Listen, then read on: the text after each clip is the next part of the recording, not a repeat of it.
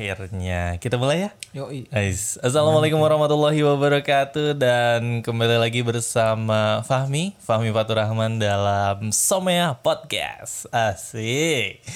Dan di episode keberapa ini ya gue ke 6 dan episode kemarin cuma tiga orang yang dengerin bis. gue berharap sih dengan collab sama Lobus Ya, nih iya. bisa lah menaikkan jumlah pendengar dan viewer gue gitu. Sudah bersama Lobus Airlangga Obus Avenger. Nama Facebook gua itu. Tapi gue inget loh. Zaman alainya. Oh. Ya, masa-masa SMA lalu pasti ngela inilah ngerasain kayak gimana. Oh gitu. Jadi kalau nggak alay nggak hidup. iya, iya. Itu masa pendewasaan. Kata Raditya Dika ya. Ya, iya bener. Asik. Dan sekarang gue sudah bersama Lobus. Dipanggilnya Obus aja. Lobus aja. Lobus aja, nggak Airlangga. Agak susah, panjangan. Oh iya, Obus. Obus ini tuh sebenarnya temen gua waktu di ekstrakurikuler dan eh, ekstrakurikulernya adalah hoki.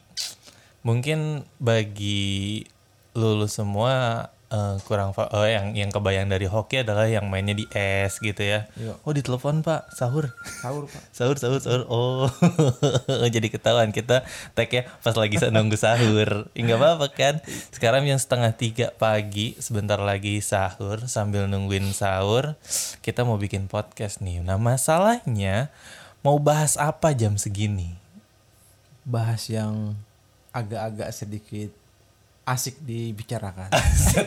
sedikit asik dibicarakan apaan ya, malam-malam kayak gini kan namanya cowok. iya sih Biasanya. Nah, Obus ini kan sebenarnya kuliahnya olahraga. Nah, gue waktu dulu nih ya, Bus milih jurusan olah apa? Milih jurusan buat kuliah itu tuh eh apa ya? Eh, nggak terlalu pengen olahraga. Karena gue pikirannya tuh kalau misalnya milih olahraga ujung-ujungnya pasti gue jadi guru olahraga. Bener gak sih? Apa bisa bisa bisa jadi yang lain? Sebenarnya, sebenarnya kalau itu sih pemandangan masyarakat yang awam aja ya. Jadi kalau misalkan masuk ke olahraga, pasti ujung-ujungnya jadi guru olahraga. Sebenarnya enggak juga.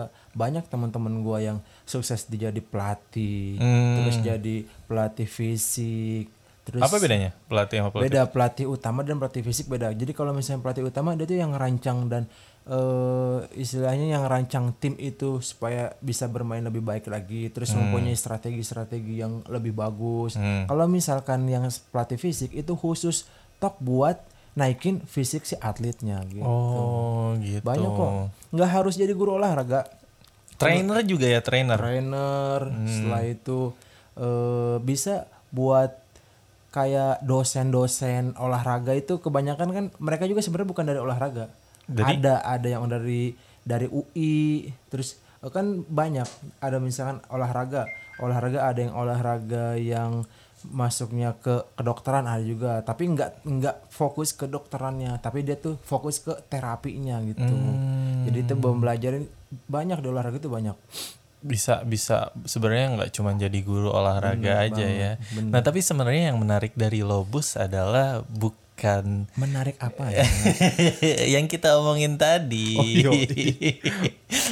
Jadi kita sebenarnya pengen bahas banyak yang pengen kita bahas sebenarnya ya Bus ya. Hmm, Mulai dari ini aja kita perkenalkan Obus dulu. Obus ini pekerjaan sehari-harinya guru olahraga juga.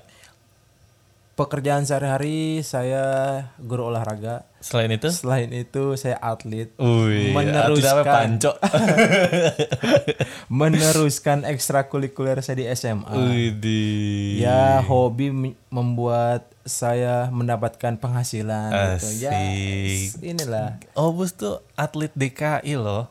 Jadi nanti nih kalau PON yang tak tahu kapan mulainya lagi. Tahun depan. Eh, tahu tahun Tenang depan insya Allah pasti tahun jadi. depan. Ini pasti jadi orang udah dibayar. iya bener. Rugi mereka. Iyalah. Latihan latihan aja ya, tahu-tahu nggak PON, tapi enak udah dibayar. Iya. nah, buat jadi atlet dulu deh. Atlet ini kan sebenarnya emang dari SMA lu udah jadi atlet nih. Ya kan? Iya. Terus nyambung ke kuliah. Hmm. Nah, buat pas kuliahnya sendiri eh jadi atlet tuh memudahkan jalan lu nggak sih? Kalau buat memudahkan itu pasti karena kalau misalkan kita banyak mendapatkan prestasi di kuliah itu dan dosen-dosen itu pasti respect ke kita gitu loh. Jadi lebih banyak dimudahkan dari eh, mata kuliahnya. Kalau misalkan ada mata kuliah yang kita tidak bisa ikutin, terus kita tuh sedang kejuaraan dan itu di Oh, auto A. Iya. Enggak auto juga harus ada ininya juga, ada usahanya juga. Ada Cuman usahanya. agak lebih dimudahkan. Bukan seperti yang kayak kuliah pulang, kuliah pulang gitu. Jadi nggak Hmm. menghasilkan apa-apa di kampus. Oh, Wanji, menghasilkan apa dong harusnya di kampus? Istilahnya kita berguna lah buat kampus, buat menaikkan rating kampus gitu. hmm. Kalau misalkan kita di cabang olahraganya itu berprestasi tinggi, terus sering mendapatkan juara, nah itu nanti rating kampusnya akan naik. Asik. Jadi kamu tuh mendongkrak dan untuk itu kamu dapat apa privilege lebih lah dari kampus atau dosennya gitu. Anjay itu. Jadi buat lo lo nih pada nih yang ngerasa kalau gue kurang nih dari mata pelajaran yang berbau eksak apa gitu. Mungkin mot eh, apa sebenarnya eh talent kamu tuh bukan di situ gitu loh. Jadi bisa dipindahkan ke olahraga. Oh, buktinya Obus jadi Don Juan. Jadi apa-apa karena kerja keras saja Asik. kalau misalkan kita nggak kerja keras juga nggak bakal dapat apa Asik. Nah, tapi di kerja di bidang olahraga, lu jadi atlet, jadi guru olahraga. Nah, sebenarnya manfaat bagi diri lu sendiri tuh apa sih maksudnya? Eh, apa ya? Kan olahraga mah ya udah pasti gitu jadi sehat gitu. Iya. Tapi kan banyak orang yang menganggap kalau misalnya bekerja di olahraga tuh belum bisa jadi apa ya mata pencaharian yang kayak wah gua bisa jadi orang kaya dari olahraga. Bisa nggak sih sebenarnya?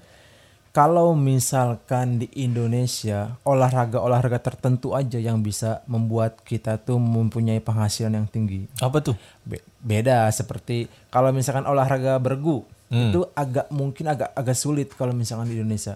Tapi kalau misalkan olahraga olahraga individual seperti karate, taekwondo, terus habis itu eh, bulu tangkis yang yang mereka tuh kalau misalkan udah punya talent yang sangat bagus, dia itu akan dipertahankan. Apalagi kalau misalkan untuk Indonesia. Jadi agak lebih agak lebih bisa eh, istilahnya itu bisa lebih keras lagi latihannya di situ. Terus kita punya talentnya bagus, udah ah udah deh nggak bakal dibuang gitu aja. Oh. Kalau misalkan di Kalau hoki sendiri? Waduh hoki apa lagi? hoki hanya hobi. Tapi dibayar. tapi dibayar ya belum bawa nama Indonesia tapi ya istilahnya udah ke daerah-daerah yang apa-apa lah Oh, gitu. lumayan, ya. Tapi lu sendiri memandang hoki dan lu menggeluti hoki dari SMA, akankah hoki itu apa ya membuat lu jadi lebih apa ya seperti ah bu, eh, gimana ya? Maksud gue tuh kayak misalnya kayak Evan Dimas gitu. Wah. Seterkenal Evan Dimas bisa gak sih lu di hoki? sangat pesimis Kenapa? kalau di hoki sebenarnya sih gimana ya kalau di hoki itu tidak bisa dijadikan mata pencaharian yang sangat pasti dan yang kedua tidak bisa kita bisa terkenal yang seperti eh, olahraga-olahraga yang lain karena orang Indonesia itu masih awam Hmm. masih awam dengan permainan cabang Hoki. olahraga hoki.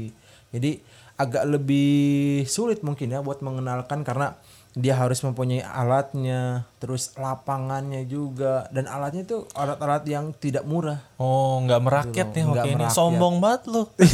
Bukan Olahraga sultan nih. Bukan sama emang kenyataan oh gitu. gitu. Ya memang Harga sih. sticknya juga sangat tinggi Wah, jadi mahal ya, nggak terjangkau ya. sulit sulit. Pakai stick kentang bisa nggak? lu nggak mampu dah. Mas. Oh maka dari itu Obus eh, tidak hanya jadi atlet tapi juga jadi guru. Oh. Tapi sebenarnya Lalu tapi lu kalau misalnya ditanya nih, yang sampingan mana, yang eh, pr- eh, ini mana yang primer? primer hoki. Primer hoki, sampingan guru.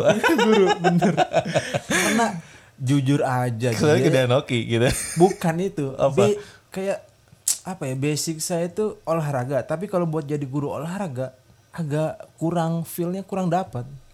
Enggak Ketimbang di hoki. iya ketimbang jadi atlet. Nah terus kayak bukan fashionnya aja gitu jadi guru olahraga. Kalau misalkan ngajar ngajar pokoknya bukan cara-cara pengajar lah. Saya kalau misalkan ngajar anak-anak di sekolah seperti melatih eh, atlet-atlet jadi karena jurusan saya bukan eh, penjaskes jurusan saya di olahraga itu adalah kepelatihan jadi agak kurang kurang serk gitu loh Apa lebih otoriter gitu? Kamu push up 500 kali keliling lapangan. Gitu. enggak enggak kayak gitu lah Anak kan SD digituin jahat buat lu. enggak lah bisa kena pasang saya kayak gitu enggak mungkin Tapi kan itu bukan kekerasan fisik. bukan emang cuma kan kemampuan mereka kan nggak sampai segitu Oke. kayak lebih kurang Nah, kurang fashion lah kalau Apa karena mungkin lu nggak suka sama anak-anak? suka banget Apalagi anak-anak yang baru gede gitu. apalagi bikin ya Bikinnya. enggak mood buster kalau misalkan kita ketemu anak-anak kecil itu jadi mood buster kita bang Masa sih? iya sih kalau ketemu Algi mah. Tapi kalau misalnya kan, anak sekolah meng yang lucu nggak semuanya. Enggak semua, hanya orang-orang nyebelin tertentu. banyak. Bener. Hanya orang-orang tertentu aja. Cuman ya nggak ya bisa inilah bisa menutupi keseharian kita lah. Karena kan kalau misalkan jadi atlet doang, sore doang latihannya, paginya kosong, kayaknya nggak nggak ada Banyak kerjaan lagi. kosong. Iya, banyak waktu kosong kayak kurang aja gitu. Luntang lantung gitu ya. Tapi kalau misalnya di KTP apakah atlet bisa dicantumkan sebagai profesi? Apa lu mencantumkannya sebagai guru? Di KTP guru Guru, bukan atlet. atlet di di kontrak cuma sampai tahun depan doang. Oh, udah gitu? Udah nggak ada lagi. Makanya pilihnya guru. Ya, makanya sekarang tuh di sangat dipertahankan lah. Jadi harus jangan sampai tercoret. Nah, kan ini sekarang lagi apa ya, lagi corona lah. Kan guru juga sekarang pada libur. Lu ngasih-ngasih tugas juga oh iyalah pasti. lewat video-video suruh olahraga Iya, gitu. Bener, bener banget itu. Tapi sebenarnya menurut lu efektif nggak sih untuk olahraga dan di videokin kayak gitu? Kurang sih. Kalau misalkan untuk memberikan olahraga ke anak tuh sebenarnya sih lebih mudah ya kalau misalkan sekarang di UFH ini. Jadi kalau misalkan ngasih tinggal kasih video gerakannya kayak gini kayak gini nih. Cuman kalau misalkan di olahraga itu kita nggak bisa kayak gitu. Jadi kita harus eh ngelihat gerakannya koreksi gerakannya seperti apa gerakannya. Kalau misalkan ada salah-salah cedera ya siapa yang disalahin? Kita guru olahraganya. Gitu. Oh ya. lebih lebih mudah iya. Cuman dari keselamatannya tuh agak kurang gitu. Hmm, tapi emang sebenarnya seberapa bahaya olahraga untuk anak itu? sangat rentan sih kalau misalkan olahraga itu. Jadi olahraga itu untuk meningkatkan motorik anak kan Hmm. bukan hanya fisik karena motorik anak pun harus bisa ditingkatkan dari olahraga jadi memberikan olahraga ke anak-anak itu harus dengan hati-hati nggak boleh salah-salah kamu kalau misalkan kasih gerakan yang salah nanti takut eh, merubah eh, postur tubuhnya Bisa gitu. sampai bisa segitunya? sampai segitunya Bisa misal kakinya jadi O jadi X gitu. Bi- kalau misalkan itu kan bawaan. Tapi kalau misalkan kayak bisa cedera misalkan dari punggungnya pinggangnya itu kalau misalkan kita ngasih salah gerakan-gerakan yang salah itu nanti bisa jadi habit juga. Hmm, jadi kebiasaan. kebiasaan buruk nantinya. Kalau misalkan nanti di SMP SMA olahraga kok kamu larinya seperti ini? Misalkan ada yang lari anak kecil kakinya nyeret. Nah itu kan salah tuh. Kaki ada ada kayak gitu. bener. Jadi olahraga itu bisa meningkatkan motorik dan memperbaiki gerak si anak. Gitu. Jadi harus benar-benar sangat hati-hati memberikannya. Oh, tapi sebenarnya apa ya? Kalau misalnya, ya bisa, gue nggak ngebayangin gitu ya, misalnya anak kecil salah gerakan gitu bisa encok sampai gede gitu. Kalau encok itu bisa diperbaiki sih. Cuman kan kita meminimalisir karena kan anak-anak kan sangat rentan, tulangnya masih rapuh ya kan. Masih masa pertumbuhan Iya, lah ya. bener, ototnya juga belum kuat gitu. Jadi kalau misalnya kita memberikan olahraga yang ngasal, olahraganya yang eh, berat ke anak, jadi mereka terbebani, kasihan nggak bisa ngikutin, cedera dan sebanyak dan, dan lain-lain lah. Hai, cukup sudah perkenalannya ya. Itulah Obus dengan apa tuh segala olahraganya. Tapi sebenarnya nih ya, Obus kan mau kawin nih katanya, tapi kena corona, jadi diundur lagi deh kawin.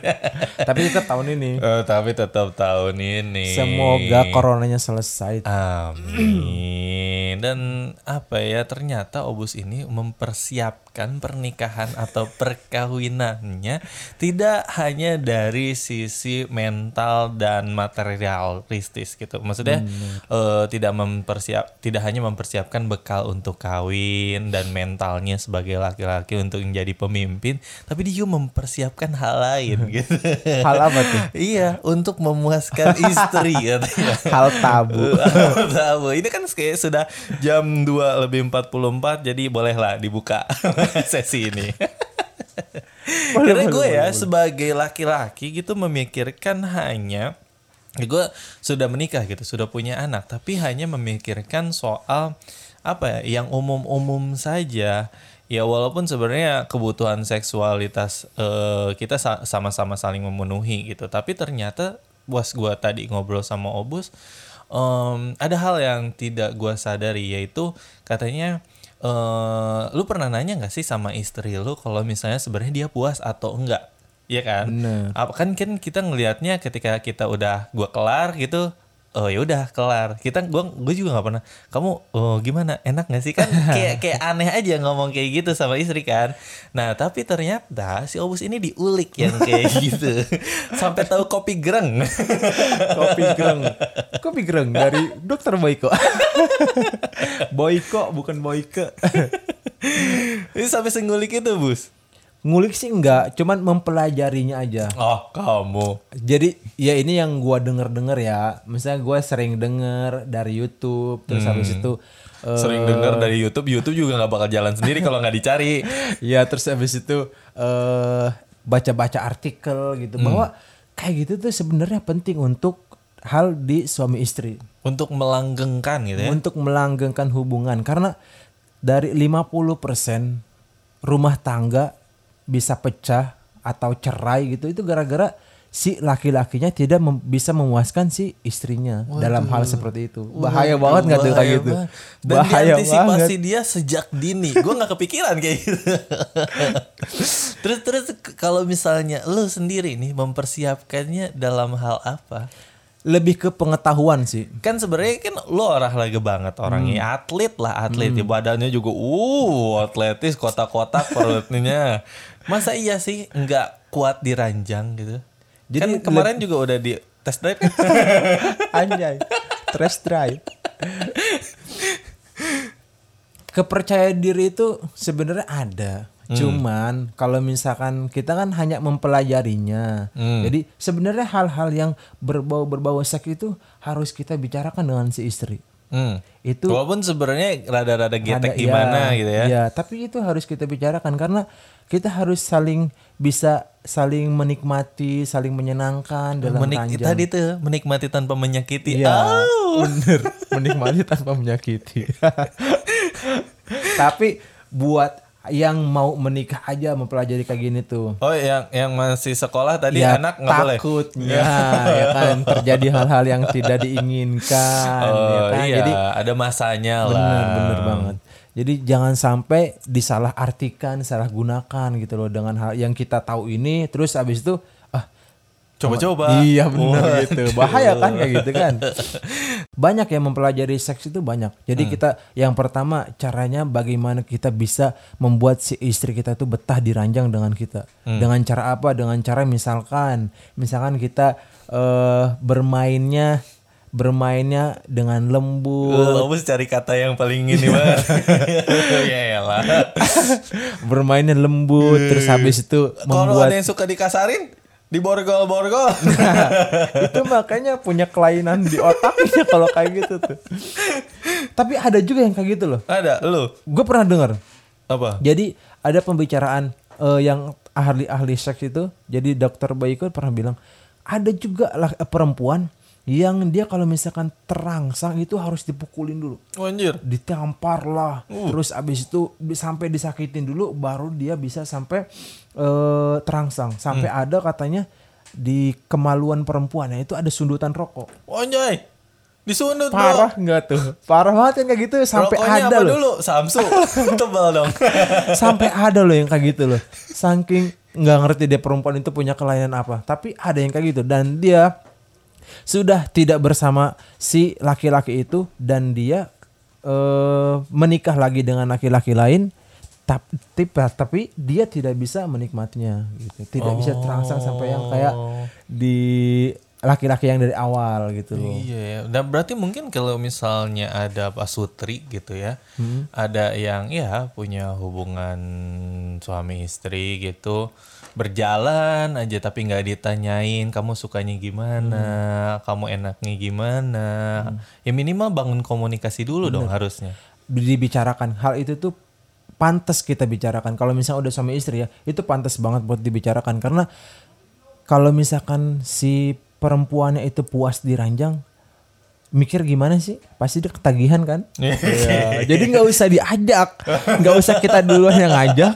Dia dia nagih. dia nagih nanti. Kalau Oke. misalkan nagih kan kita bisa ngasih kepuasan dia bisa bahagia. Karena kalau misalkan perempuan yang nggak sampai klimaksnya sampai orgasmenya itu kasihan ke mereka. Jadi kalau misalkan Kita, kata kita mah kan kalau orgas eh, apa ya mas sampai klimaks itu ketahuan kan. Ketahuan. Kalau cewek mah belum tentu. iya tapi ada ada tanda-tandanya. Kalau misalkan Tanda-tandanya. Apa tuh kalau kalau perempuan itu kalau misalnya udah sampai klimaksnya atau eh, orgasmenya itu dia tuh kejang-kejang. Kejangnya itu kejang-kejang bukan kayak ini ya bukan step. Jadi ada di kakinya itu ada kejang-kejang gitu. Jadi kalau enggak dia tuh eh, menarik menarik si laki-lakinya dia pelukannya sampai erat banget nah itu Oh, baru bapak paham gitu. banget tuh kan. tuh kan, kan, baca tuh kan, tuh kan. baca Kan dan gua- pelajari Di kampus dipelajarin nggak kayak gini? nah, enggak lah Tuh, kan seberapa nguliknya dia dibandingin gue yang sebenarnya udah nikah dan punya Hmm. anak, tapi lebih ngulik dia, Bos. karena gue sadar karena Lu Eh, lalu-lalu belum memuaskan. bukan gitu karena gue sadarnya ngelihat di artikel ada 50 sampai 70 persen itu laki-laki eh, Pa- pasutri ya pasutri bisa cerai itu gara-gara hal seperti spell kayak gitu Jadi lu mengantisipasi dari sejak dini. dari iya bener bener bukan bukan masalah hanya dari harta ya terus habis itu kenyamanan si perempuannya tapi, Oh. Tapi itu dari juga hal itu juga penting. penting Asik. apalagi udah suami istri itu sangat penting dibicarakan misalkan kamu bosan gak gaya ini Gitu. Kita pakai gaya yang lain itu Oke. boleh Tapi Gitu secara, secara secara modal utama yang paling ini adalah komunikasi. Bener. Tapi kalau itu kan ya sebutlah eh, itu batin ya. Hmm. Tapi kalau secara physically untuk bisa memuaskan itu langkah-langkahnya atau kiat-kiatnya belum lah kan gua cuman ini aja oh maksudnya palsu. cuman lihat Ini gue dengar- sebagai orang awam aja nih, ya, ibaratnya ya kan bapak yang udah menikah saya mah belum.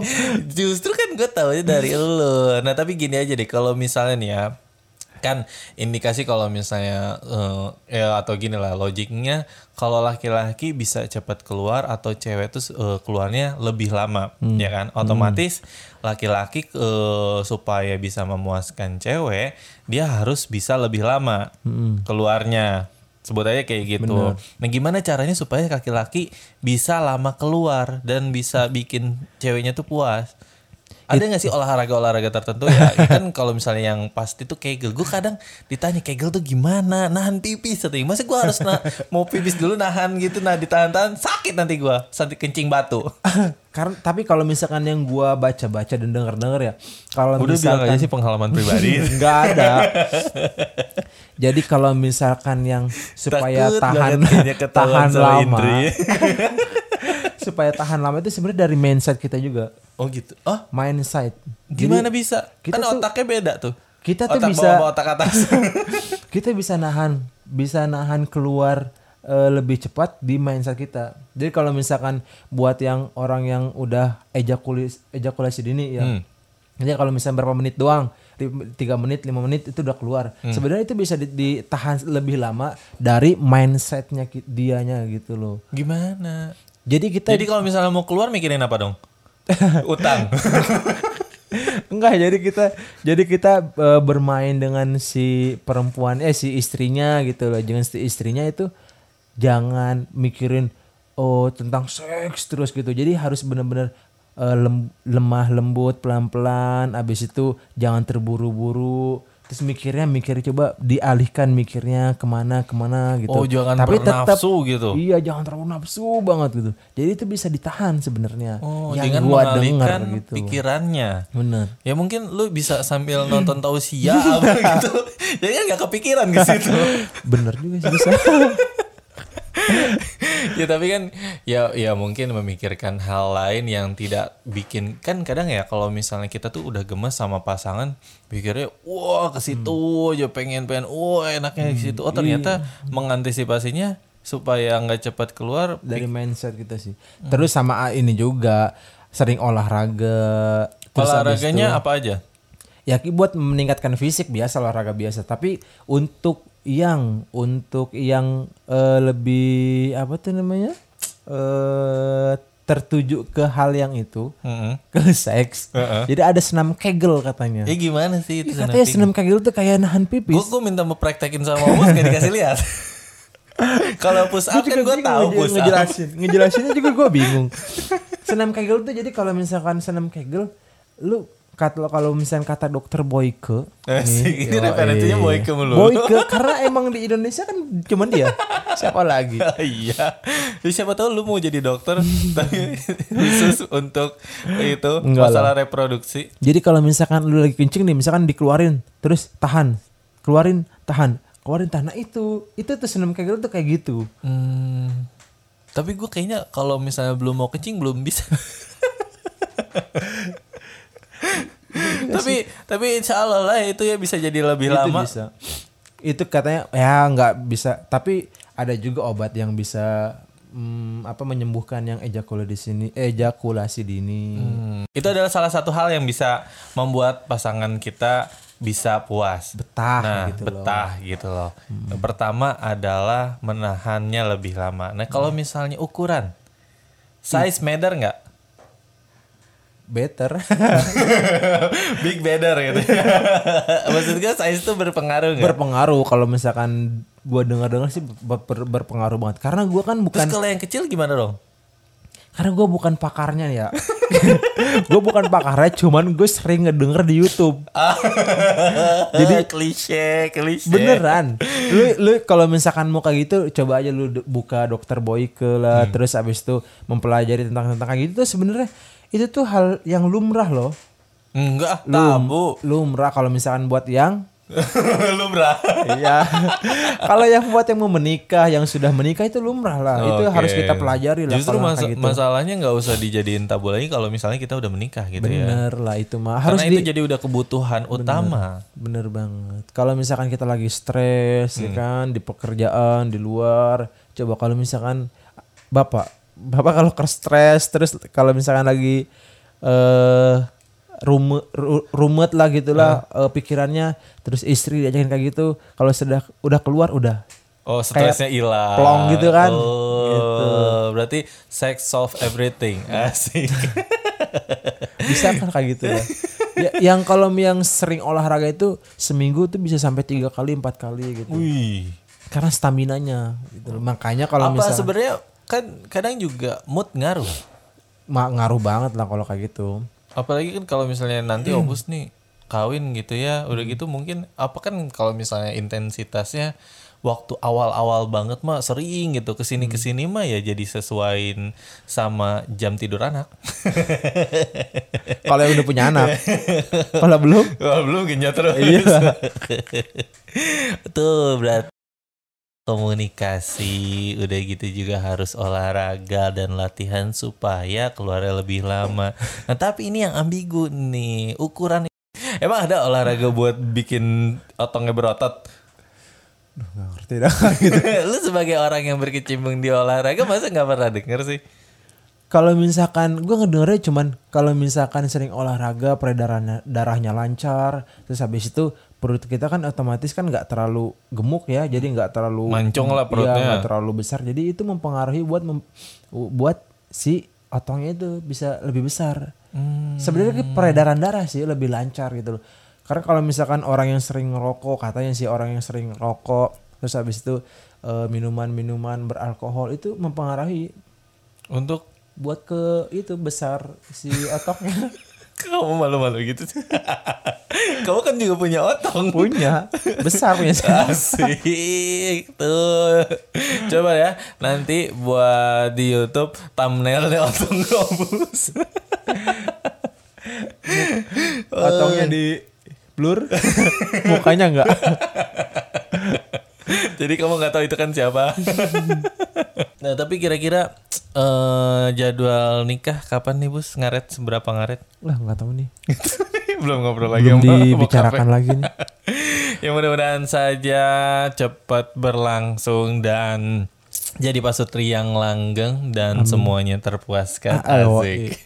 harus kita pelajari Harus kita pelajari. Jadi buat lu nih yang pengen lebih mempelajari tentang cara memuaskan pasangan gitu, terutama suami atau istri, bisa follow Instagramnya Oh, Opus. jangan dong nggak ada hal-hal berbau itu saya mah Ada. Kirain bapak. Enggak, ini macam cuman sharing, berbagi. Oke, Jadi iya. sangat penting kita mempelajari hal yang seperti itu Mm-mm, untuk buat kelang bekal ya. bener bekal. Karena kan pasti otomatis dong, pastilah kita itu Apa? Lagi berhubungan kalau misalnya udah suami istri. Oke, Ya kalau kan? belum kalau belum ya nggak tahu. ya kalau ada yang mau mau enggak.